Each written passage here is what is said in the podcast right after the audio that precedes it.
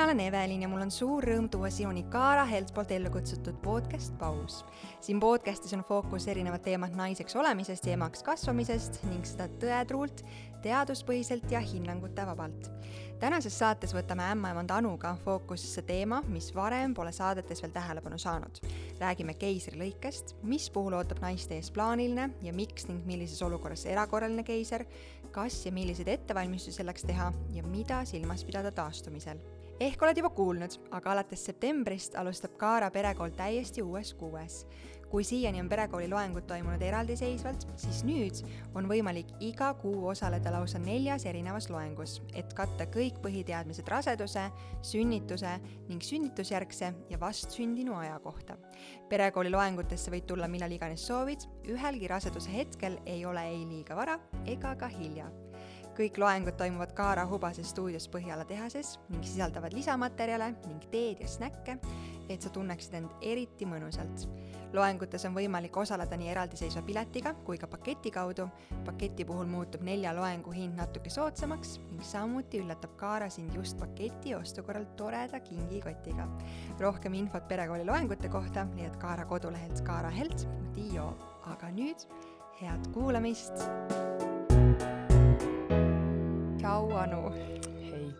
me rääkisime sinuga varsti peaaegu aasta aega tagasi mm, ja sa ütlesid mulle siin, et nüüd sa oled ju täitsa nagu päris ämmaemand sellise, sel hetkel sa veel õppisid mm -hmm. ämmaemandust ja, ja pausi ühes esimestest saadetest me rääkisime tegelikult äh, rasedusaegsest joogast mm -hmm. ja se-, selle eelistest aga täna on üks väga-väga huvitav teema, mis üleüldse pole pausis kuidagi ühelgi moel minu meelest läbi käinud ja selleks on keisrilõige mm. -hmm. ilmselt kõik teavad, mis see on, sina oled vist selle kohta öelnud ka väga ilusasti kõhusünnitus. see on kõhusünnitus ka ehm, ja võib-olla see, et mis see on äh,, otseselt nagu tähelepanu või siis selgitamist ei vajagi, aga küll aga ma olen aru saanud, et keisrilõige on mõnes olukorras planeeritud ja mõnes olukorras äh, erakorraline mm. -hmm. võid sa seda teemat natukene avada, millisel puhul keisrilõige on planeeritud?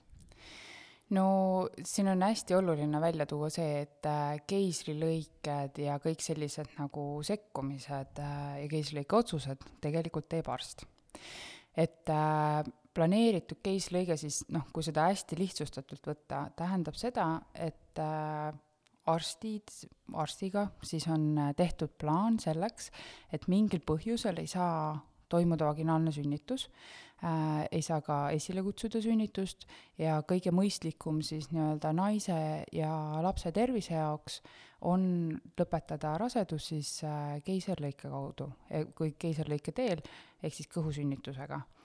nüüd see plaan pannakse paika günekoloogiga ja vahest on ka niimoodi, et see plaan pannakse paika alles seal täiesti raseduse lõpus. et näiteks äh, tuharseisu, mõne tuharseisu puhul on see, et äh, ei ole võimalik vaginaalselt sünnitada. näiteks sellisel juhul, kui lapsel on üks jalg on sirutatud ja teine jalg on nagu kõhu peal kaisus, on ju.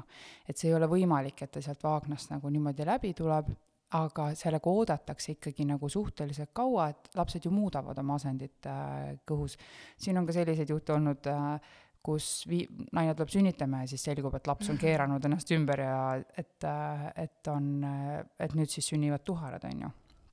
et selles mõttes, et või siis näiteks äh, keiserlõige võib olla näidustatud sellisel juhul, kui eelmine sünnitus on lõppenud keiserlõikega ja järgmine rasedus on äh, ütleme, liiga kiiresti tulnud ja et see keisri ha-, arm siis ei ole nagu täielik, aga ma räägin, see otsuse tegemine on nagu hästi äh, noh, ütleme selles mõttes, kui ämmaemandad loomulike sünnituste juhtijatena, te vastutavadki selle loomuliku sünnituse eest ja siis arstid vastutavad kõige nii-öelda selle patoloogia ja haigusseisundite, noh, tuhar ei ole haigusseisund, aga see on lihtsalt nagu niisugune variatsioon, et ta ei saa nagu sündida.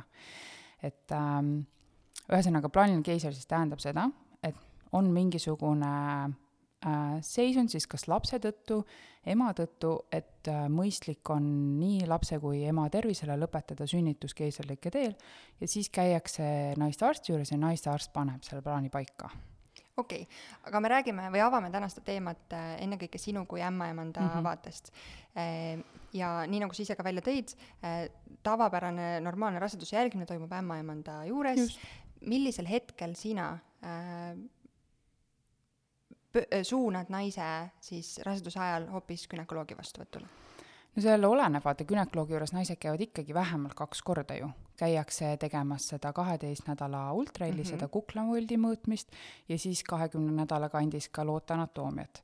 ja see nüüd oleneb hästi palju nagu anamneesist, et kui on, kui seal on näiteks gestatsioonidiabeet või mingid muud sellised äh, haigusseisundid tulevad sinna juurde või on näiteks äh, mm, noh, rase, rasestumise ka olnud raskusi ja kunstlik viljastumine või seal on mingisugune naise anamneesis on nagu selline äh, nii-öelda tärnike juures või midagi, mis teeb tema raseduse kõrge riskiga raseduseks, siis see tähendabki seda, et see jälgimine on jagatud naistearsti ja ämmaemanda vahel. ja samamoodi, kui laps ei keera ennast tuharseisust näiteks peaseisu, siis ämmaemand üks hetk paneb sinna kolmekümne kuuenda nädala kanti, paneb äh, naistearstile aja, et siis vaadatakse, kas on võimalik ümber pööra, pöörata või mis siis nagu edasi saab. Või kui näiteks on äh,, on kahtlus, et äh, laps on liiga suur et noh, et see, see on hästi varieeruv ja seal ei ole nagu selliseid ühe, üht, ühtset nagu vastust sellele, et äh, ja, ja neid riske hinnatakse iga inimese põhiselt, mis on hästi oluline. et selline sõbrannadega võrdlemine ei ole nagu siin nagu mõistlik, sellepärast et äh, meie või noh, isegi noh, mina ämmaemandana ei tea kõiki neid äh, riske, põhjuseid, probleeme, miks näiteks mõnele naisele tehakse keiser ja mõnele ei tehta keisrit, noh, plaanilist keisrit, on ju. mida mina ämmaemandana saan teha, on see, et nagu noh, mina usaldan oma, meie arste äh,, sest nemad on oma eriala spetsialistid ja, ja selles mõttes sellist nagu vaidluskohta seal nagu noh, ei teki, et et me suuname naised edasi, kui me kahtlustame, et seal on midagi võib-olla nagu nii-öelda normist kõrvale kalduda, äh, või siis, kui naise anamneesist tuleneb see, ja siis juba arst otsustab, et äh, kuidas see jälgimine edasi läheb, vahest nad suunavad naised tagasi, vahest jääb see nagu mõlema nii-öelda arsti ja ämmaemanda jälgimisele jääb naine ja siis sealt tuleb edasi see nagu nii-öelda sünnitusplaan. Mm et see, et arsti juurde suunatakse, ei tähenda alati keisrilõiget, see võib ka tähendada seda, et näiteks, et on vaja esilekutsumise aeg määrata ja nii edasi. sinu jutust äh, mulle jääb, saab arusaadavaks see, et äh, keisrilõige ei ole mitte üheski tavapärases olukorras äh, ei arsti ega ämmaemanda eelistus. jah. küll aga ma olen äh, ta on eelistus selles mõttes, ta on naistearsti ja ämmaemanda eelistus. Sellisel juhul, kui keiserlõikel on äh, vähe, et need äh, keiserlõike riskid ja kahjutegur on väiksem kui selle raseduse kas jätkamine või sünnituse lõpetamine vaginaalsel teel ehk siis me alati kaalume neid riske. see on nagu see, mida see tants seal selles sünnitusosakonnas kogu aeg käib. et me tahame, et see sünnitus või emaks saamine ja lapse sünniprotsess oleks võimalikult väikeste riskidega nii naisele kui lapsele, et meil oleks seal pärast see terve naine, terve laps. ja siis selle ümber see tants käib, et kuidas me saame siis selle saavutada. et see on see mõte.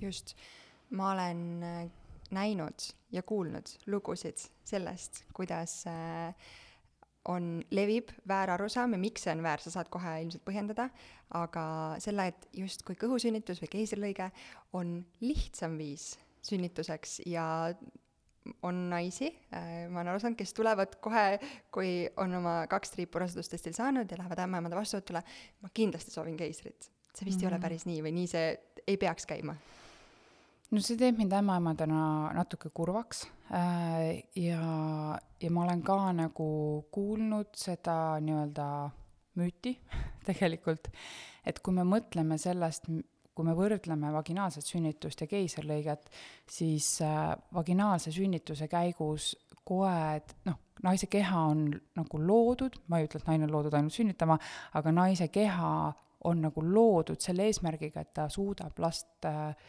kasvatada ja lapse sünnitada, ilma et ta läheks lõhki. jah, nagu lahkliharebendid natuke siit-sealt äh,, oleneb ka muidugi, kuidas sünnitus läheb, aga tegelikult naise keha on loodud selleks, et ta avaneb, et laps saaks tulla välja, sündida ja siis ta läheb tagasi kokku.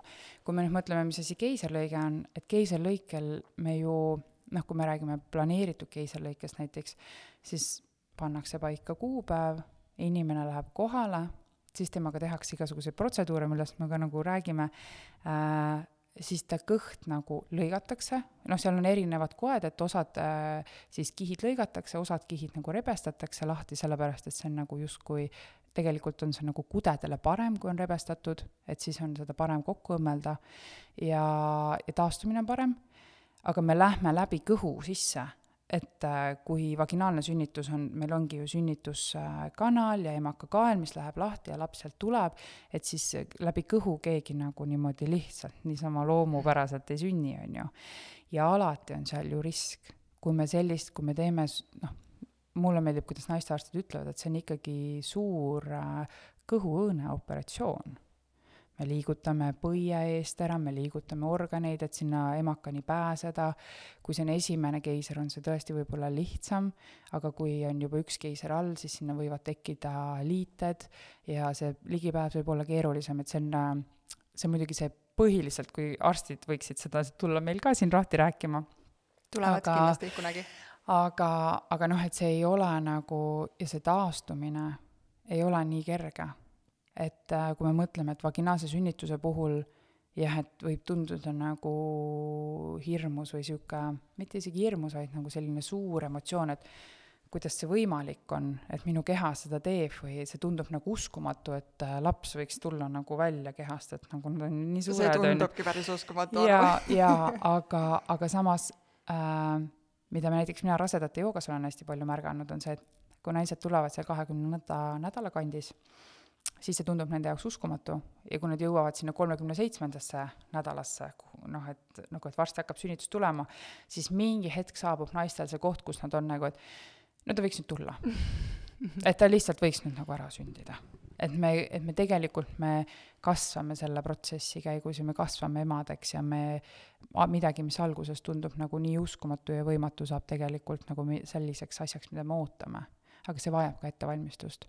ja kui me mõtleme nüüd siia kõrvale keisri, et see kõht lõigatakse lahti, laps võetakse välja ja siis see pannakse kokku tagasi, et see on ikkagi haav ja, ja ta on päris suur haav ja sügav haav, et nüüd sellest nagu samamoodi sul on pärast on äh, kuus kuni kaheksa nädalat veritsust, sa pead hakkama lapsega toimetama äh, imetamised, mähkme vahetamised, pesemised, öised ärkamised, kõik need asjad, aga me paneme sinna juurde selle, et äh, tegelikult on äh, sul suur kõhuhaav või sügav kõhuhaav, mis äh,, mis omakorda põhjustab sulle nagu ebamugavust ja, ja ka mõnel puhul ma näen, et naistel tekib hirm, et nad ei julge ennast liigutada või keerata või, või sirutada püsti, sest nad tunnevad sellist ebamugavat tõmbavat tunnet ja siis nad jäävad niimoodi natuke nagu küürust kõndima. aga see on jälle nagu noh, see teeb selle nagu taastumise veel keerulisemaks. aga oled sa saanud äh, aru või, või oma kogemusest äh, kuulnud, miks äh, on sul olnud üldse neid patsiente või neid naisi, oled sa kokku puutunud ühel või teisel moel, kes eelistavad esimese hooga keisrit? ma arvan, et seal on see, mis mina olen nagu kuulnud oma klientidelt, kelle sõbrannad on rääkinud mm, -hmm. et, et aga see on ju valutu no selles mõttes jaa, et kui sa tuled keisrile, sa oled siis äh,, sulle tehakse kas spinaal või oleneb noh, kuidas see keiser tehakse või mis põhjusel, et äh, sa ei tunne nagu valu äh,, seda nagu operatsioonivalu, küll aga sa tunned kõiki muid asju, kui sind tõmmatakse ja kisutakse ja ra nagu raputatakse võib-olla seal opilaual, mis võib olla nagu päris õudne kohati äh,, aga pärast ju ikkagi sa tunned et kuigi sul on nagu valuravi peal ja, ja päris nagu esimestel päevadel päris tugev valuravi, aga see ebamugavustunne, ma just täna hommikul rääkisin ühe kliendiga, kellel lõppes sünnitus erakorralise keisriga, tal on nüüd täna on kuus kuud möödas, palju õnne beebidele, emmele. et äh, ja tema ütles, et tal ikkagi siiamaani on ebamugavust ja oli mitu kuud peale sünnitust, noh, peale siis kõhusündi äh, oli sellist ebamugavust ja valu ja, ja see on see osa, millest nagu ei räägita väga. et jah, et võib-olla lapse saab valutult kätte, aga see va-, nagu pärast see taastumine võib olla palju keerulisem. sa tõid välja need olukorrad, mis puhul äh, keisrilõige on planeeritud mm -hmm. ja täpsustasid seda osa, aga kui äh, äh, sünnitus algab äh, loomulikult, aga võib-olla ka esilekutsumisega, justkui mm -hmm. see protsess on nii-öelda tavapärasem mm, -hmm. naine on teil sünnitustoas ükskõik kui pau-, kaua see protsess juba kestnud on ja siis on erakorraline. mis olukorrad või põhjused need on, kus tehakse erakorraline keiser mm? -hmm. no ma ütleks sünnituse, sünnitusabi kohta üldse, et see on nagu väga erakorraline meditsiinivaldkond, sest sa kunagi ei tea, kuidas läheb. et võib minna nii, et sul on ime, imeilus äh, vettesünnitus ja ise ämmaemand on oled ka nendest äh, sünnitushormoonidest, endorfiinidest pilves. ja siis võib ollagi see, et äh, midagi nagu juhtub ja ja siis äh, sünnitus lõpeb siis opitoas, et äh, noh, põhilised äh, probleemid, mis seal siis on, on see, et äh, kas laps ei tolereeri sünnitustegevust äh, või on naisepoolsed probleemid, et ei ole võimalik sünnitamisega jätkata, et see on naisele või lapsele, noh, ühesõnaga see nagu laias laastus see tulebki sinna jälle, nagu ma ütlesin alguses, et äh, midagi sellist juhtub, mis äh, toob meile vajaduse see sünnitus lõpetada koheselt praktiliselt või kiiresti. ja siis on seal see küsimus sellest, et kas see on võimalik teha vaginaalselt, kui ei ole vaginaalselt võimalik äh, seda sünnitust kiiresti lõpetada, siis see tähendab, et me peame minema nagu opituppa ja sünnituse kiiresti lõpetama. see võib olla lapsepoolne, see võib olla emapoolne, on ju. aga see on samamoodi arsti otsus sellel see on hetkel. alati arsti otsus, see on alati arsti otsus. meil ämmaemandatena puudub see pädevus äh,, aga noh, meie pädevus on see, et me kutsume arsti, eks, ja siis sealt nagu, kui arst võtab selle otsuse vastu, siis me valmistame naise ette ja lähme nagu opituppa äh,. Aga vahest on ka see keiser näiteks äh, noh, erakorralisel ja erakorralisel keisril on ka vahe, eks. meil on hädakeisrid, kus on väga kiire ja siis meil on ka selliseid keisrid, kus nagu noh, nagu laps justkui tunneb ennast hästi, naine on hästi, aga ta lihtsalt ei tule nagu vaaknast läbi, on ju. et äh, aga kusagil tuleb ikka see joon nagu alla tõmmata, et ja õnneks seda otsust teevad arstid. mul on ämmaemandal on väga hea meel selle üle. küll aga on äh, ämmaemanda tugi ju jätkuvalt ka keisrilõike juures või roll äh, ja, mängida. võid sa seda selgitada, mis kas, millised on sinu ülesanded, kas sa üldse seal opisaalis oled, oled sa enne-pärast lihtsalt mm, -hmm. mis sa mhm. teed mm.? no kui on, äh, meie majas siis on niimoodi, et Pelgu linnas siis, et kui on plaaniline keiser, siis äh, hommikunaine tuleb söömata, joomata tuleb vastuvõttu, seal avatakse nii-öelda see äh, haiguslugu ja sealt siis äh, arst vaatab ta üle äh, ja saadab ta siis meie sinna opiplokki Rikaverisse, kus siis juba mina ämmaemandana teda ootan. seal ma valmistan ta ette, küsin temalt äh, ravimite kohta, söömise kohta, igasuguste nagu nii-öelda veel täiendav anamnees, et kas tal on allergiaid ja nii edasi, kas ta on võtnud ravimeid, millal ta neid on võtnud siis ma panen talle veenikanüüli äh,, alustame tilkinfusiooniga. Äh, sest alati, kui me lähme keisrile või kui me teeme epiduraali, siis meil on äh, tilkinfusioon läheb veini kaudu, äh, kuulan lapse üle, noh, üleüldiselt vaatame ema ka üle, et kuidas ta nagu tunneb ennast, kui ma näen, et seal on midagi sellist, et kas peaks anestesioloogile teada andma või naistearstile teada andma, siis ma ka nagu teen seda. Ja siis nii-öelda enne operatsiooni tuleb naistearst, räägib naisega veel läbi, mis nad teevad, mis on see plaan sest seal võib olla ju keis planeeritud, planeeritud keisri puhul, seal võib olla ka mingeid muid tegevusi juures mm.. et äh, ja, ja siis, kui need asjad on tehtud, kui opituba ütleb, et me oleme valmis, siis äh, mina võtan naise nii-öelda käevangu ja lähme viin ta, annan ta anesteesiameeskonnale üle. siis äh, oleneb siis sellest, kas on plaanitud keiser või erakorraline keiser, et erakorralise keisri juurde isa tulla ei saa. Kui on plaanitud äh, normaalne rahulik keiser. Neid on ka nagu juhte, kus, äh, kus plaaniline keiser äh, on ikkagi teatud väga nii-öelda kõrgendatud riskidega, et siis me isa nagu juurde ei, ei luba lihtsalt sellepärast, et me ei taha võib-olla vanemaid traumeerida. Kui isa saab tulla juurde, siis ma annan isale riided, tema vahetab riided, samal ajal ma valmistan ette lastetoa, kuhu me siis peale keisrit tuleme, kas siis koos isaga või siis tulen mina lapsega ja kutsun lastearsti. Sest alati, kui me teeme keisri, siis tuleb lastearst nagu sinna juba juurde, isegi kui, isegi kui on plaani, plaaniline keiser, et lastearst vaatab alati keisrilapsed üle. Ja kui need asjad on kõik tehtud, saadan isa keisrituppa, sinna opituppa, kui saab, ja siis lähen ise käsi pesema, et mina ämmaemandana samamoodi pean panema ennast steriilseks, ma lähen opituppa ja minu roll siis ämmaemandana on oodata last. ehk siis, kui arstid võtavad lapse kõhu kaudu välja, Äh, toimub nabaväedi klemmimine ja siis arstid annavad ämmaemandale mulle siis lapse, siis mina, kui, kui on nagu selline võimalus, äh, noh, plaanilise keisri puhul üldiselt on, lähen näitan last emale, luban tal teha musikalli, võtan sealt isa kaasa ja siis me lähme isaga koos lastetuppa. Lastearst vaatab üle, teeme toimingud ära, võtame sealt nabaväedis pH analüüsi, nagu ikka, seal on soe lamp kohe, millal laps on, lastearst vaatab lapse üle mina teen siis, noh, kui vanemad on äh, nõus, teen ka-vitamiini ja, ja siis tegelikult me tahaksime panna juba selle lapse, kui tema, kui tal on kõik hästi äh,, isale nahk-naha kontakti, et äh, isad peavad siis olema valmis, et nad peavad ennast seal võib-olla särgituks võtma äh,. et siis äh, laps lähebki, et me vaatame ta kiiresti üle, teeme asjad ära ja siis paneme ta äh, kogemusest mähkmega isale nahk-naha kontakti ja, ja tekkide sisse sooja kuni siis ema opitoast tuleb, et siis me saame sealt isa kaisust anda ta otse naise kaisu. Äh, nabaväedi lõikamine, mis võib-olla on tavapäraselt või traditsiooniliselt mm. hästi sinna, isad ootavad mm -hmm. seda hetke, kui äh, isa on lubatud, äh, ma ei saa, kas ma saan öelda ainult isa, tegelikult kaaslane võib kaaslane, ka olla, jah. Äh, on lubatud sinna äh, plaanilise keisri kõrvale, siis opituppa, siis kas tema saab selle lõigata? opitoas ei saa. sest opitoas, kui me nüüd mõtleme loogiliselt, meil on lahtine kõhuhaav, ei taha me kedagi sinna oma nagu nii-öelda äh, kudesid jagama, et noh, meil ikka nahka ju kukub ja karvad või midagi, et nagu ei taha midagi sinna haava Aru sisse tegelikult, on ju.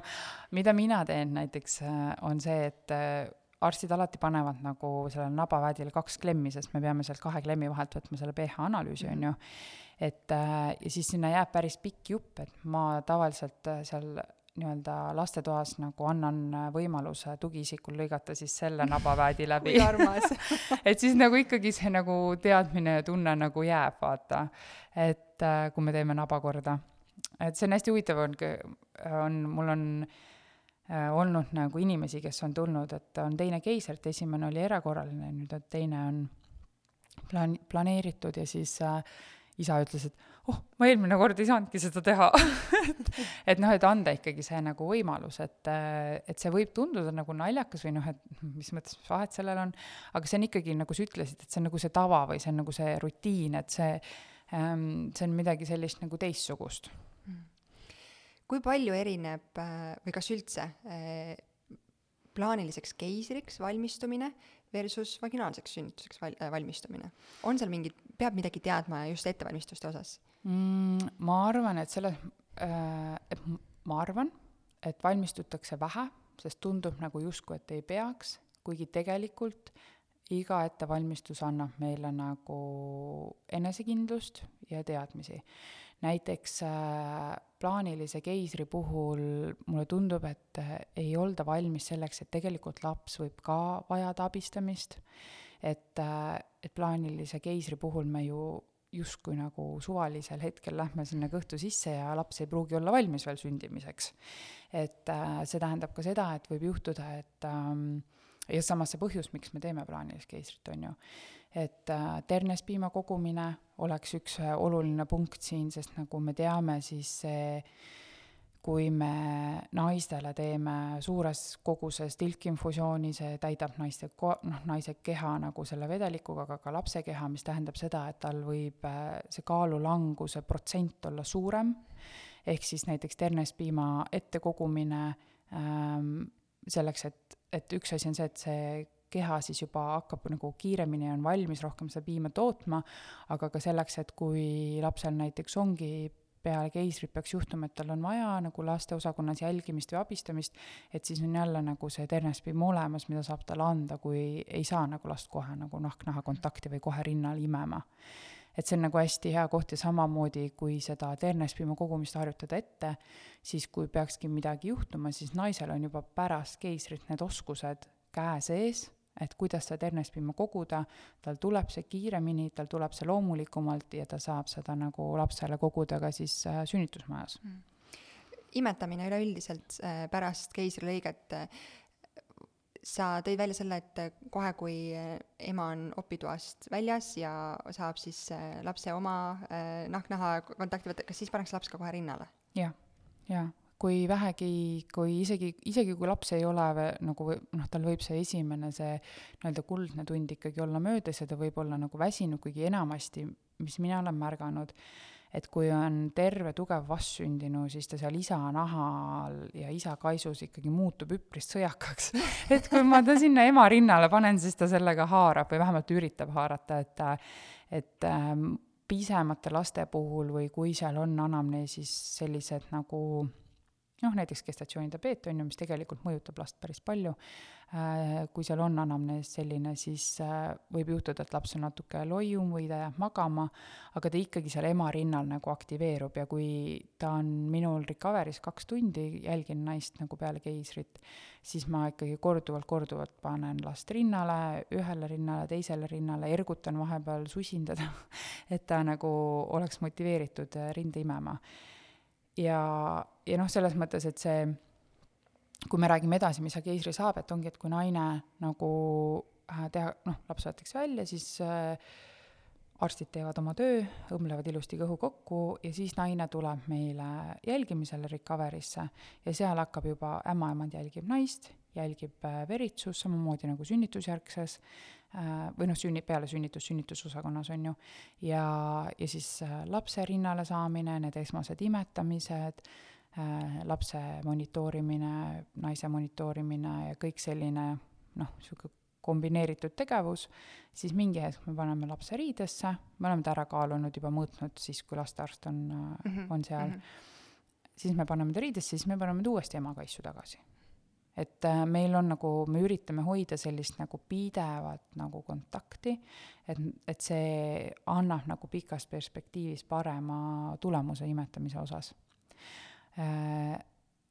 Ja. aga kas imetamisel on mingisuguseid erisusi äh,? ma nägin kuskil lauset äh, või ma ei olnud allikakriitiline, ma ei tea, kas mhm. see on tõde või väär, aga et piim võib tulla hiljem rindadesse keisrilõike puhul, on midagi, mida peaks jälgima eraldi äh,? äh ta on... võib kindlasti, kindlasti tulla hiljem, aga see küsimus on ka sellest, et miks noh, et mul täna hommikul rääkisin mitme imetamisnõustajaga ja seda ühtset vastust me nagu ei, ei suutnud nagu välja mõelda peale nende aspektide, et üks asi on see, et, et kindlasti ema stress ja pinge üle selle, teine asi, et, et kui nai-, kui kui laps sünnib vaginaalselt, siis me tõstame suhteliselt kohe ta ema rinnale. seal on juba ema lõhnad, ternespiimalõhn ja kõik nagu nii-öelda hormoonide mäng, et äh, ja suhteliselt kiiresti lapsed saavad ka rinnale, et hakata seda rinda stimuleerima. keisrilõike järgselt võib juhtuda, et äh, et kas, kas siis laps vajab abistamist või ei vaja, on ju, et me, kuigi me ta-, paneme ta sinna rinnale, siis see paus ikkagi selle nii-öelda esmase imetamise ja lapse sünni vahel on pikem ja see võib nagu ka siis natuke pärssida lapse nagu seda nii-öelda aktiivsust seal rinnal. ja jälle, et kui laps ei ole rinnal aktiivne, siis stimulatsioon on vähene, naised on peale keisrilõiget äh, võib-olla rohkem pinges ja see imetamine on natuke keerulisem, et kuna ei julgeta ennast nagu liigutada, sest on ebamugav, on valus, ja imetamisasendid, siis ja jälle see kaalukadu on ju, et ähm, et seal on, see on nagu hästi äh, mitmekülgne põhjus, miks see täispiima tekkimine võib viibida. Mm.. et noh, ja lisaks siis see, et kuna, nagu ma enne ütlesin, vaata, et me teeme seda tilkinfusiooni, mille tulemusel lapsed võivad kaotada rohkem kaalu, kui nad kaotavad rohkem kaalu, siis me tahaksime toetada piimaseguga, et, et nemad oleksid ikkagi nagu äh, ähm, nii-öelda terved ja ei muutuks meil loiuks, et meil ei tuleks nagu sealt mingeid probleeme, et noh, et ta on hästi selline keeruline äh, tegelikult ja mitmekülgne mm, nii-öelda teema, et see ei ole päris nii üks, üks-ühele, et, et noh, et mis vahet sellel siis on, et millal ta rinnale saab, et kui ta hakkab imema, siis hakkab ju tulema, on ju. et tegelikult need kõik tegurid mõjutavad. Lisaks ternespiima kogumisele, kas on midagi, mis ettevalmistuse osas naised saavad veel teha äh, enda jaoks, oma pere mm, -hmm. oma lapse jaoks mm, -hmm. et see kogemus oleks kõikidele osapooltele positiivne mm? -hmm. no seal on hästi palju, mängib ka rolli ütleme, see nii-öelda valmisolek selleks, et sa pead teadma, et peale seda, kui sul laps sünnib, peale keisrilõiget, sa ei tohi tõsta näiteks suuremaid raskuseid kui lapse kehakaal. Ja ka jätkuvalt, kui laps on ainult, suur ja väike. ainult laps ja mitte laps koos turvahälliga, mitte laps koos seljakotiga, et sul on, me räägime ainult lapse kaalust, eks ja pigem see enda aitamine või ettevalmistamine ongi selles osas, et mis sa teed pärast. mis sa teed äh, peale seda, kui sul on keisrist möödas kakskümmend neli tundi. kui sul juba jalad liiguvad, kuidas toimetada, et äh, kuidas äh, nii-öelda, millal alustada armi Ähm, ta nagu taastamise aitamisega, et armimassaažiga ähm,, tu-, armi tundlikkuse taastamisega, vaagnapõhjalihastega, kõhu hingamine ähm,, peale keisrit võib olla ka, on paljudel naistel hirm näiteks kakamise ees, et kas see toit, mida sa sööd, ja see vedelik, mis sa tarbid, kas see on piisav selleks, et, et su seedimine oleks korras ja et sul ei tekiks kõhukinnisust. et kõiki selliseid asju tegelikult tuleks nagu mõelda ja uurida ette. ja isegi siis, kui sa need kõik nii-öelda asjad oled ette uurinud, et noh, siis sa pead neid ka rakendama, on ju. et tore on küll, kui sa loed mm, keisrihaava massaaži kohta, aga kui sa seda tegema ei hakka siis sellest on vähe kahus kasu selles mõttes. kui palju erineb see pärast sünnitust haiglas oleku protsess äh,? ma ei tea, kas ma saan tuua välja mingit tavapärast, aga mina olen aru saanud, et äh, pärast vaginaalset sünnitust äh,, kui kõik on hästi, siis äkki isegi pärast ühte ööd või pärast kahte ööd kindlasti võiks äh,, kui ema ja lapsega on kõik hästi, siis võiks koju saada oma sellesse mulli ja seda tutvumiselu edasi elama mm. -hmm. aga milline või kui pikk see periood on pärast keisrilõiget? peale keisrit on üldiselt niimoodi, et see esimene päev, see opipäev, on nullpäev ja siis sealt kolmandal päeval on okay. keskmiselt saadakse koju. et äh, aga see on jälle nagu hästi palju seotud äh, noh, lapsega, kuidas laps hakkab rinda võtma, kuidas see kaalukadu on, kuidas ema tunneb, et ega seal ei ole tekkinud äh, mingisugust põletikku et kõik peab olema nagu korras.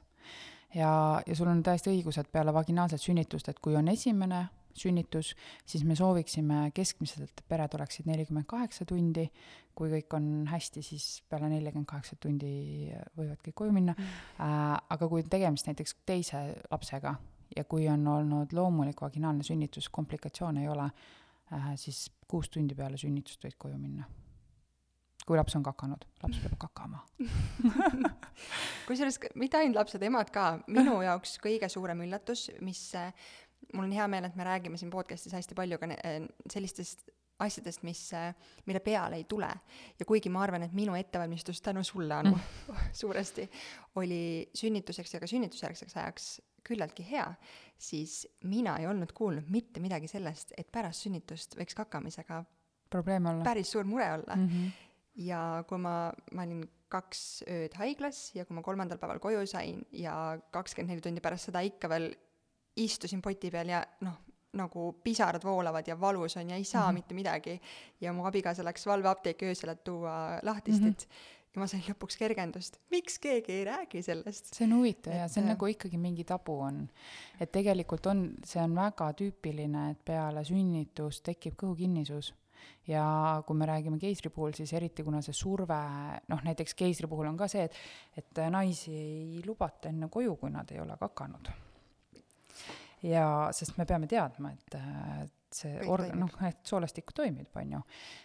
aga näiteks, mis on teine asi, on see, et äh, kui kakada peale keisrit, siis oleks hästi hea, kui üldse peale sünnitust, kui jalad on tõstetud veidi kõrgemale ja kui, et avaldada kõhule survet, kas siis läbi padja või hoides kätt vastu kõhtu, selleks et äh, me tahame, et kuna see kõhulihas ei tööta nii hästi, et siis me hoiame survet vastu, et oleks nagu kergem äh, soolt tühjendada ja ütleme, see, see nagu, see vähendab ka seda ebamugavustunnet, võiks vähendada. et äh, jah, see on nagu naljakas, et see, seda nii palju sellele ei keskenduta või isegi võib-olla ei mainita, et äh, peale sünnitust tek-, võib tekkida kõhukinnisus, et toitumine on hästi oluline, vedeliku tarbimine on hästi oluline. kuna sünnitus on ju suur pingutus, siis äh, see vedelik, mis me tarbime, nagu läheb ära ja kui me paneme sinna juurde imetamise, siis see vedeliku ja toidu, noh, tegelikult see vedeliku tarbimise kogu, tarbitav kogus peaks ikkagi olema veidi suurem kui nagu norm. et äh, aga me unustame selle. no et see on jah, kah üks nendest äh, asjadest, mida võib-olla ei, ei osata nagu mõelda ja teine asi on see, et sinna tihtipeale tuleb juurde see hirm. Et äh, mul on valus või ebamugav, et kuidas ma nüüd, et äh,, et peale sünnitust naistel võib tekkida niisugune tunne, et kui ta nüüd kakab, et siis nagu kõik vajub alla. ja see võibki see või varakult- õmblused, mis tehtud, et rebenevad. jaa, just, et äh, aga noh, enamasti ikkagi seal nagu Päraku piirkonnas neid õmbluseid ei ole, ainult noh, välja arvatud sellisel juhul, kui on sügav, väga sügavad rebendid, on ju. ehk siis seda tegelikult, see ei ole nagu äh, loogiline seos, aga see tunne on, mina mäletan peale enda sünnitust, mul oli samamoodi niisugune tunne, et mul lihtsalt kukub kõik seest välja. et nagu, aga mitte kaka et kõik, Kõik muu aga see tegelikult noh, ämmaemadena ma saan öelda, et see noh, et see ei ole, ei päde, on ju. mis on veel huvitav, millega naised näiteks ei, nagu ei ole nii-öelda kursis, on see, et nad ikkagi veritsevad kuus kuni kaheksa nädalat. Ja kuna emakakael plaanilise keisri puhul ei ole nagu avanenud, siis seda veritsust peab ka nagu noh, on oluline, et see veritsus tuleks et see on ka nagu asi, millega mul näiteks üks klient pöördus tagasi vastuvõttu, sellepärast et tal üks hetk veritsus ei tulnud enam välja. et nagu noh, et see ei ole niimoodi, et mul tehakse keiser ja siis mingit probleemi ei ole, et tegelikult äh, noh, sa oled ikkagi sünnitanud, eks. Aga kui me võtame näiteks nüüd plaanilise keisri kõrvale erakorralise keisri, siis kui ma enne rääkisin sellest rahulikust protsessist, siis tuled üks päev ta-ta-ta mm. -hmm. ja siis sa tuled sinna recovery'sse ja kõik rahulikult tehakse, siis plaanilise keisri puhul on see, et samamoodi me alustame tilkinfusiooniga, kui seda enne ei ole, siis äh, sünnitusosakonnas paigaldatakse põiekateeter ja siis minnakse raamiga suhteliselt kiiresti.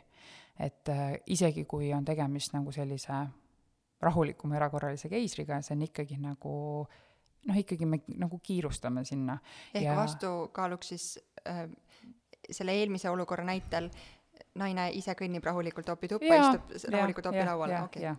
et äh, ja, ja sealjuures on see, et seal on juba sünnitustegevuseks äh, ja noh, ütleme, et see võib olla, miks on nagu hea valmistuda sünnituseks selliselt, et tegelikult noh, et kõik asjad on võimalikud, on just see, et kui see moment tuleb, et peaks olema vaja lõpetada sünnitus keisrilõikega, et sa oled valmis ja tead, mis toimub. et sa, et, et naine oleks võimalikult nagu rahulik, hingaks, sest lapsel on ju täpselt endiselt samamoodi vaja hapnikku, sest on ju endiselt naise nagu kõhu sees, on ju äh, ja tugiisik samamoodi, et tugiisikutel on kohati palju keerulisem see, sest nagu mm, kaaslased siis, äh, nad ju muretsevad oma partnerite pärast.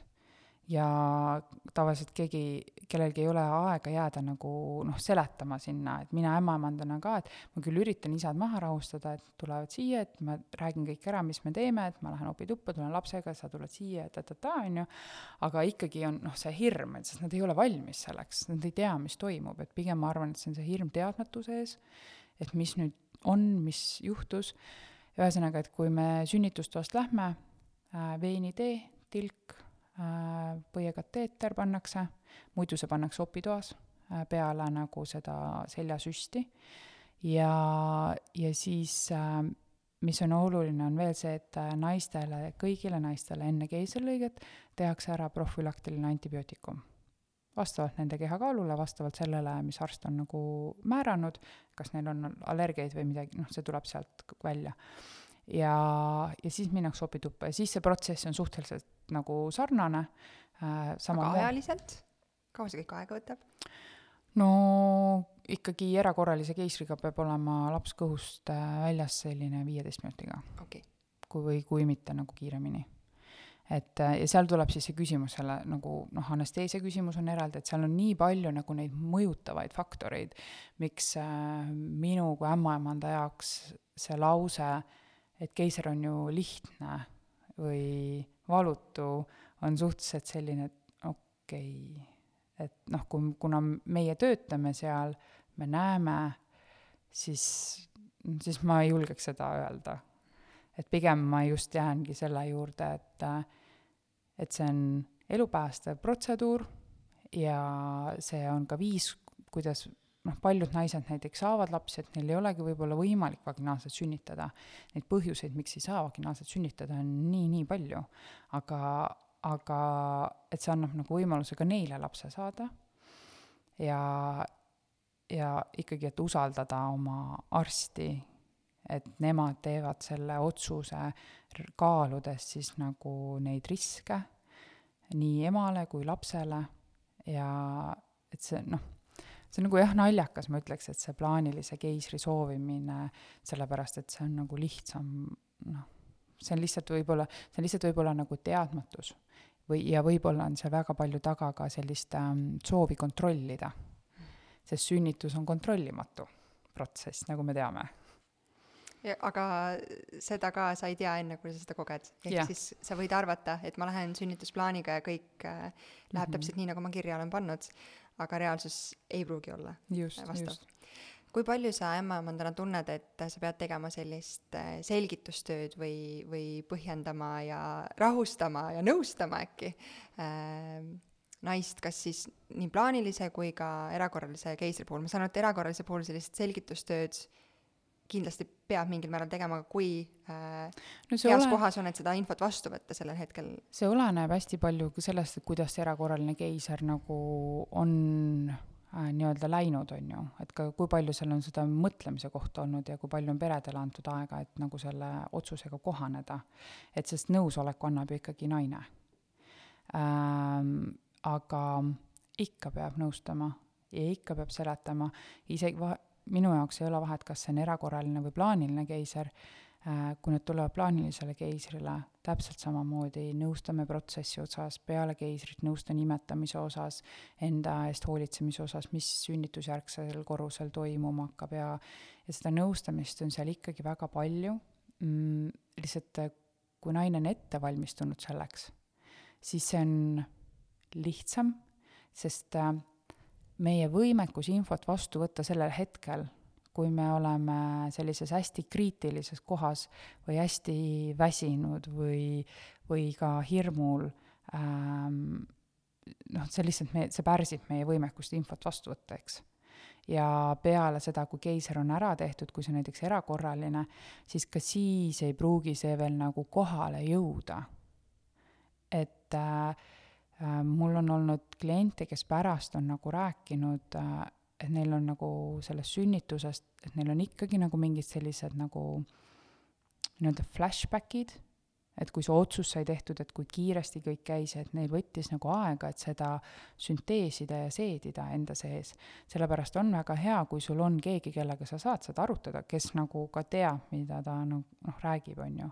et äh, võib-olla sõbrannadega keisrikogemuste võrdlemine ei üleüldse ole üleüldse sünnituskogemuste. jah, ja see üleüldse sünnituskogemuste võrdlemine ei ole võib-olla kõige nagu parem viis äh, päriselt nende äh, kogemuste protsessimiseks mm kas pärast äh, seda, kui pere on koju saanud, äh, see, et kui tavapäraselt vaginaalsünnituse puhul on siis see ämmaemanda visiit äh, seal kuus-kaheksa nädalat pärast sünnitust, kas see kõik on sama? Mm, kui keisrijärgselt lähed sa selle arsti juurde, kes keisri tegi okay., või siis mõne teise arsti juurde, kui tal ei ole aega mm.. aga üldiselt üritatakse ikkagi saada, et et äh, naine läheb selle arsti juurde kontrolli, kes talle keisri tegi ja, ja naise koju kirjutab ka arst et kui lapse osas otsustab lastearst, siis äh, keisri puhul otsustab naistearst, millal naine koju saab. ämmaemand on seal äh, taustatantsija ja, ja aitab imetamise ja kõige muu nõustamisega, ka selle koju minemise nõustamise ja edasised toimingud ja äh, mis nagu ei puuduta näiteks imetamist, on ju, et, et selle räägib kõik naistearst aga ma saan, ma saan aru, et see on ka suuresti arsti äh, pärusmaa sellisel juhul, aga sa tõid välja selle, et äh, Ehm, kindlasti mitte ei tohiks keisrilõike läbinud äh, ema äh, rohkemat kui laps tõsta ja ilma turvahällita, ilma mm -hmm. seljakotita, aga midagi veel, mis seda taastumist või taastumisel oluline on, haavahoolitsus äh,, mis on midagi, mis sa oled kokku puutunud, et naised ei tea või millal ei osata tähelepanu pöörata? haavaga on niimoodi, et esimesed kakskümmend neli tundi on haava peal plaaster, mida ei tohi eemaldada tähendab, et kakskümmend neli tundi ei tohi käia pesemas. nüüd, kui kakskümmend neli tundi ta saab täis, siis arst tuleb äh, ja vaatab naise üle sünnitusjärgses ja siis on kas arst võt-, kas siis koos arstiga või siis näiteks arst võib öelda, et äh, kui sa lähed nüüd duši alla, siis võta plaaster ära. Ja sealt edasi toimub ikkagi selline hea tava haava hoolduse osas, et haav tahab olla puhas ja kuiv. ehk siis haava tuleks pesta korra päevas äh,, haava kui on näiteks selline kõht, et sinna haava peale nagu tekib nagu volt, siis on mõistlik teha haavale õhuvanne, nagu me teeksime lahklihale. ehk siis sa lähed pikali, kui vaja, tõstad kõhu veidike üles, et see haav saaks hingata ähm,. kui sul on silver spray olemas, võib ka silver spray'd panna haava peale, ma olen näinud väga ilusaid keisrihaavasid, millele on lastud spir-, silver spray'd peale kolmandal päeval peale keisrit, on niisugune tunne, et nagu nädal aega oleks juba möödas mm. -hmm ja, ja siis sealt edasi on vaja uurida äh, selle keisrihaava tundlikkuse taastamise kohta, et äh, kuidas siis vaikselt hakata, see on siis keskmiselt selline kuus nädalat peale keisrit, et hakata selle haavapiirkonnaga tööd tegema. Ja siis veel natuke hiljem, siis kaksteist nädalat peale keisrit võib hakata tegema haavamassaaži ja sellist venitamist, et vähendada seda, neid liiteid ja muuta seda haavapiirkonda elastsemaks. et tegelikult see on ka olemas selline asi nagu haava teipimine, äh, keisrihaava teipimine, aga selle kohta siis need, kes sellega tegelevad, et nemad oskavad selle kohta täpsemalt rääkida. et äh, et see ei ole jah, lihtsalt niimoodi, et noh, et mul nüüd kõht lõigati lahti, pandi kinni ja siis ongi kõik, on ju. et ta võib anda pikaajaliselt selliseid äh, ebamugavustundeid, valu äh,, oleneb sellest, kuidas õmmeldakse, näiteks mõnikord arstid õmblevad nii, et äh, et sinna kõhu peale nagu jääb üks sõlm ja selleks antakse siis eraldi nagu, noh siis öeldakse, et te peate tulema näiteks seda sõlme eemaldama või saab seda teha perearsti juures, oleneb, kuidas siis nagu arst seda nõustub ja oleneb, milline perearst ka on. et ähm, jah. siit käis alguses läbi ähm,, et keiser võib korduda juhul, kui esimese ja, või, või siis kahe sünnituse vahe on olnud lühem, kui et see arm oleks jõudnud taastuda, taastuda. Mm -hmm või paksuks, no noh, ütleme paraneda. just. ehk siis ma saan aru, et äh, pärast keisrilõiget, kui on soov saada pigem lühikese vahega veel lapsi, siis äh, on oluline seda aega jälgida, et nagu see päris kohe ei juhtuks no meie majas selline keskmine, mida naistearstid soovitavad, on siis rasestumine kaksteist kuni kaheksateist kuud peale äh, eelmist keisrit, eks. et äh, rasestumine, mitte sünnitamine. see on oluline aga erinevus. mul on kohe siin küsimus siis, kas vaginaalse sün-, äh, sünnituse puhul on see aeg kuidagi teistmoodi hiljem või mitte? no vaginaalse sünnituse puhul noh, sellist, kui kõik on nagu hästi, siis noh, just ma olen ka saanud nagu... aru, et kaksteist kuni kaheksateist kuni kakskümmend neli. jaa, no ütleme, see on pigem nagu selline naise keha taastumise kohalt äh, nagu tagasisidet, äh, võib ka saada lühema ajaga lapsi jär-, vaginaalse sünnituse puhul, aga lihtsalt, et see keha nagu ole-, et naise keha oleks taastunud, on hea oodata niisugune aasta. Aga see on hästi individuaalne, et äh, et see oleneb ka sellest, kuidas naine ennast tunneb ja, ja vahest asjad ka juhtuvad, et siis noh, siis ei ole siis nii on. siis nii on, siis on elu. Jah, aga keisri puhul äh, see on oluline.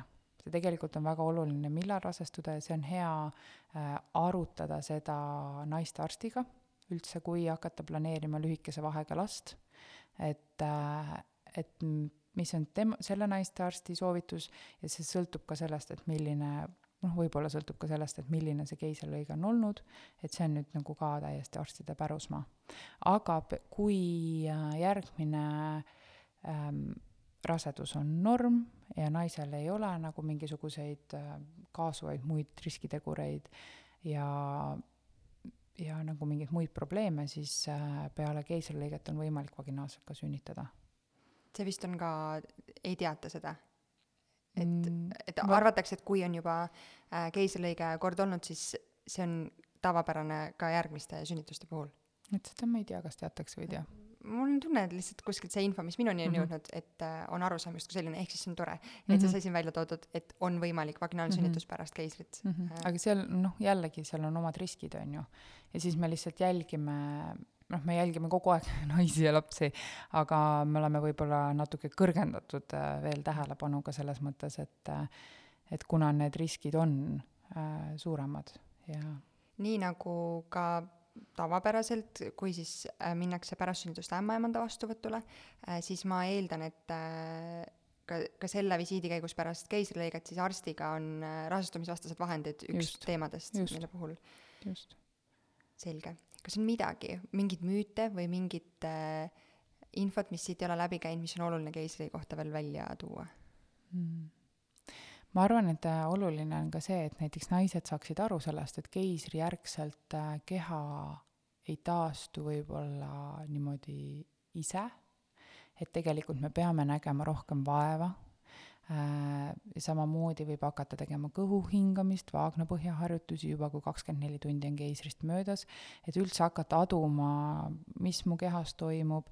Äh, ja, ja see taastumine on pikem ja paljudel naistel on keeruline näiteks ähm, tunnetada üldse oma kõhulihaseid päris tükk aega, et mul on olnud ka kliente, kes äh,, kellel on keisrist olnud möödas kolm aastat ja ta ei tunne oma kõhu alumist segmenti.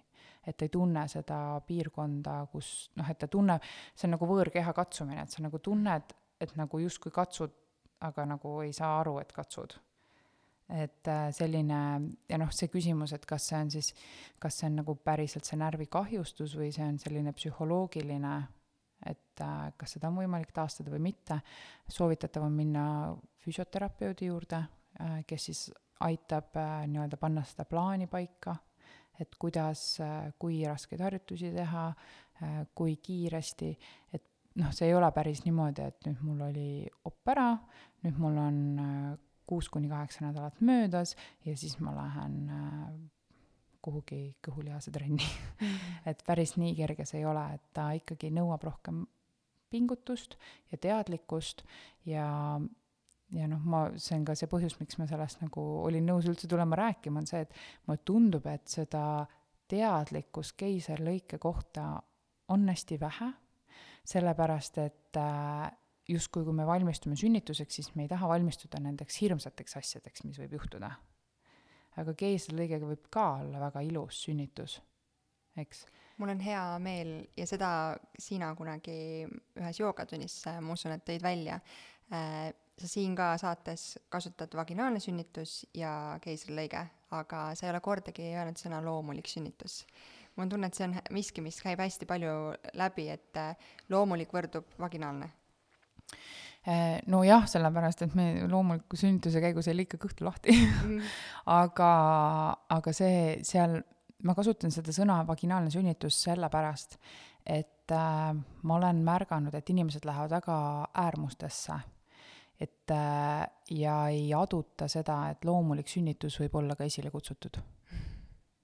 et see, et sünnitus on esile kutsutud, ei tähenda, et ta on kuidagi nagu patoloogiline või sihuke, et äh, et äh, jah, ütleme, loomulikult algab sünnitus siis iseeneslikult, läheb käiku ja seal ei ole vaja sekkuda, aga tegelikult töötades sünnitusosakonnas äh, noh, vahest on vaja natukene nagu toetada naist või kas siis, kas me siis võtame ära, et ta et kui naine on naerugaasi hinga, hinganud, et siis nagu justkui enam ei ole nagu sihuke äh, ilus pehme sünnitus. et noh, mulle ei meeldi neid äärmuseid tuua, et meil on, äh, on kõhusünnit-, kõhu kaudu sünnitamine ja vaginaalselt kaudu, vaginaalsel teel sünnitamine, eks. et ähm, ja, ja võib-olla see enda ettevalmistamise osa ongi siin see nagu koht, et aru saada, et, et mis on siis minu nagu ootus ja milleks ma olen valmis. mitte ma ei ütle, et nagu, et nüüd noh, et peab valmistuma jõudsalt keisriks, aga et sellest te-, see teadlikkus, et mis toimub ähm,, ja, ja et see on üks võimalikke viise, kuidas võib sünnitus lõppeda ja see ei tähenda, et keegi oleks kuidagi läbi kukkunud või, või et nüüd oleks kõik nagu halvasti. see on, ma arvan, väheväärtustatud osa äh, sünnitusest ja lapsevanemaks saamisest, et, et meil ei ole vaja nii karme piire seada endale ja mulle tundub, et naised, kes on esimest korda emaks saanud, siis äh, need piirid ja ootused on nagu kuidagi eriti ranged ja eriti nagu konkreetsed. et äh, need naised, kes on ühe korra sünnitanud, nad lähevad sinna juba natuke siukse noh, leebema suhtumisega kohati, oleneb ka muidugi kogemusest. Ja minu kui ämmaemanda jaoks on näiteks selline väga konkreetsete, väga konkreetsete ähm, piiride seadmine on selline küsimärk, kui tuleb näiteks korduvsünnitaja. et miks ta vastandab, miks ta nii-öelda äh, toob spetsiifilisi asju välja, et järelikult seal on mingisugune kogemus taga, mida ta ei ole saanud äh, kas lahti analüüsida või ta võib-olla ei ole saanud piisavalt toetust või piisavalt nagu ka meie siis meditsiinipersonali poolt äh, piisavalt põhjendusi, miks sünnitus nii läks. ja naised, kes tulevad äh, esimest last sünnitama ja kelle suhtumine on selline, et ma ei taha teada mitte ühestki asja, halvast asjast Mm, mille hulka kuulub ka keiserlõige, on ju, või esilekutsumine, siis noh, see tekitab ka minus nagu selle küsimuse, et aga, aga miks esilekutsumine on nii halb asi? et kus see seos on nagu tekkinud? et meil on noh, ma kogu aeg joogas muidugi ütlen, et, et sünnitamine on, noh, sünnitamine ongi nagu erakorraline et sa ei tea kunagi, millal see hakkab mm, -hmm. sa ei tea, kuidas see hakkab äh,, kuidas see läheb, kui kaua läheb ja kõik need sammud, mis sinna vahele jäävad, on ju ja sama on ka lapsevanemaks olemine. sa kunagi ei tea, kui palju sa saad magada, sa kunagi ei tea, millal pissitakse, kakatakse äh,, millal jääb keegi tatiseks, millal te-, tekib dissistreik, millal tekib toidustreik, et noh, et see on, et see, see on minu meelest nagu looduse viis meid nagu ette valmistada lapsevanemaks saamiseks. sest lõppude lõpuks on oluline, et ema ja lapse tervis just. oleks head, sest siis on kõik hästi. just. ja minu meelest on hästi oluline siin nagu välja tuua, et kui kellelgi on olnud nagu selline kogemus, et äh, või on näiteks sünnitushirm, et oluline on otsida abi näiteks raseduskriisi nõustajad või meil on ju ka meie Kaaras pakume nõustamist naistele, äh, Karit on üli, ülihea selles äh, osas, et no natuke vaadata sinna sisse, et äh, kust see hirm tuleb ja kui eelmine kogemus on ol-, on raske ja, ja naine seda endaga kaasas kannab, et siis ikkagi, et võib-olla oleks mõistlik minna ja rääkida sellest ja oma emotsioonist ja, ja natuke analüüsida et sellest saaks lahti lasta? see ei ole alati nii, aga me oleme Kaara tiimiga seda korduvalt äh, erinevate vestluste käigus arutanud ja see on ka podcast'ist välja tulnud, et tihti kui mingil põhjusel tekivad negatiivsed kogemused äh,, sünnituskogemused, siis äh, see on seotud vähese ettevalmistuse ja teadmistega. et ma ütlen uuesti, et see ei ole alati nii, aga see spetsialistid, kes mm. Kaara tiimis on, on seda korduvalt välja toonud, et see kipub nii olema. ehk siis äh, saab ainult äh, meelde tuletada, et oma teadmiste pagasi täiendamine erinevate võimaluste, mis ei tähenda, et alati nii peaks minema, kas või keisrilõike puhul. Mm, -hmm. aga et see, et sul on olemas see info ja see teadlikkus, siis võib-olla see aitab ka positiivsemate sünnikogemuste ju tulemuslikkusele kaasa. Ma usun ka. Ja ma arvan, et väga oluline on üleüldse, isegi kui on tegemist plaanilise keisriga näiteks tuharseisu tõttu, on ennast ikkagi valmistada ette, sest äh, võib ka ju juhtuda, et laps keerab ennast ümber. ja, ja siis nagu minna sünnitama niimoodi, et sa ei ole üldse ette valmistunud, on oluliselt keerulisem et tegelikult meil on nagu tänapäeval, kus meil on seda infot nii palju võimalik saada, on meil võimalik ennast ette valmistada. mõistlik on muidugi mitte lihtsalt kodus istuda ja guugeldada, et otsida seda infot spetsialistide käest või vähemalt inimeste käest, kes nagu töötavad selles valdkonnas ja, ja tõesti nagu vaadata nendele teemadele otsa, et noh, näiteks keisrilõike puhul, et äh, okei okay,, ma kindlasti ei taha keisrilõiget.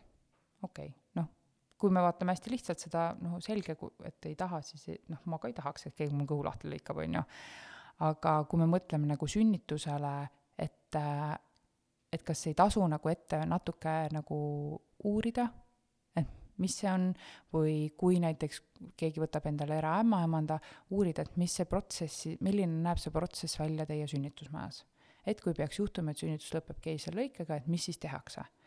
selleks, et kui sa lähed sünnitama, et siis sa tead, sa tead, mis tehakse, sa tead, mis nüüd tuleb ja see annab sulle juba nii palju nagu sellist äh, ähm, võimu, see teadlikkus, et sa, see ei ole nagu ootamatu, et ei teki seda olukorda, kus äh,, kus nagu justkui noh, nagu sinuga tehakse mingeid asju, mida sa, millest sa ei saa aru, on ju ja, ja need ei ole keerulised äh, noh, keerulised sammud võtta nii-öelda.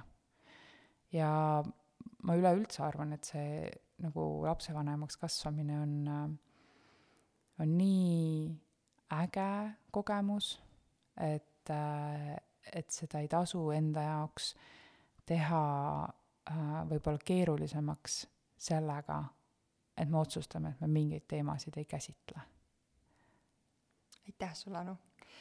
seekord täiesti teist äh, laadi teemat jagamast, aga tead, see, kuidas sa praegu ütlesid mm, seda, et äh, lapsevanemaks olemine on nii äge kogemus, see, milline ma, ma võin vaid ette kujutada, mida sa sellel hetkel mõtlesid, aga su silmides oli selline ülimalt soe ja siiras sära ja ma tahaks, et kõik äh, nii tänased kui tulevased lapsevanemad mõtleksid oma lapsevanemusteekonnale sellise sooja ja hea energiaga. aitäh sulle, Anu! aitäh sulle! tšau! tšau!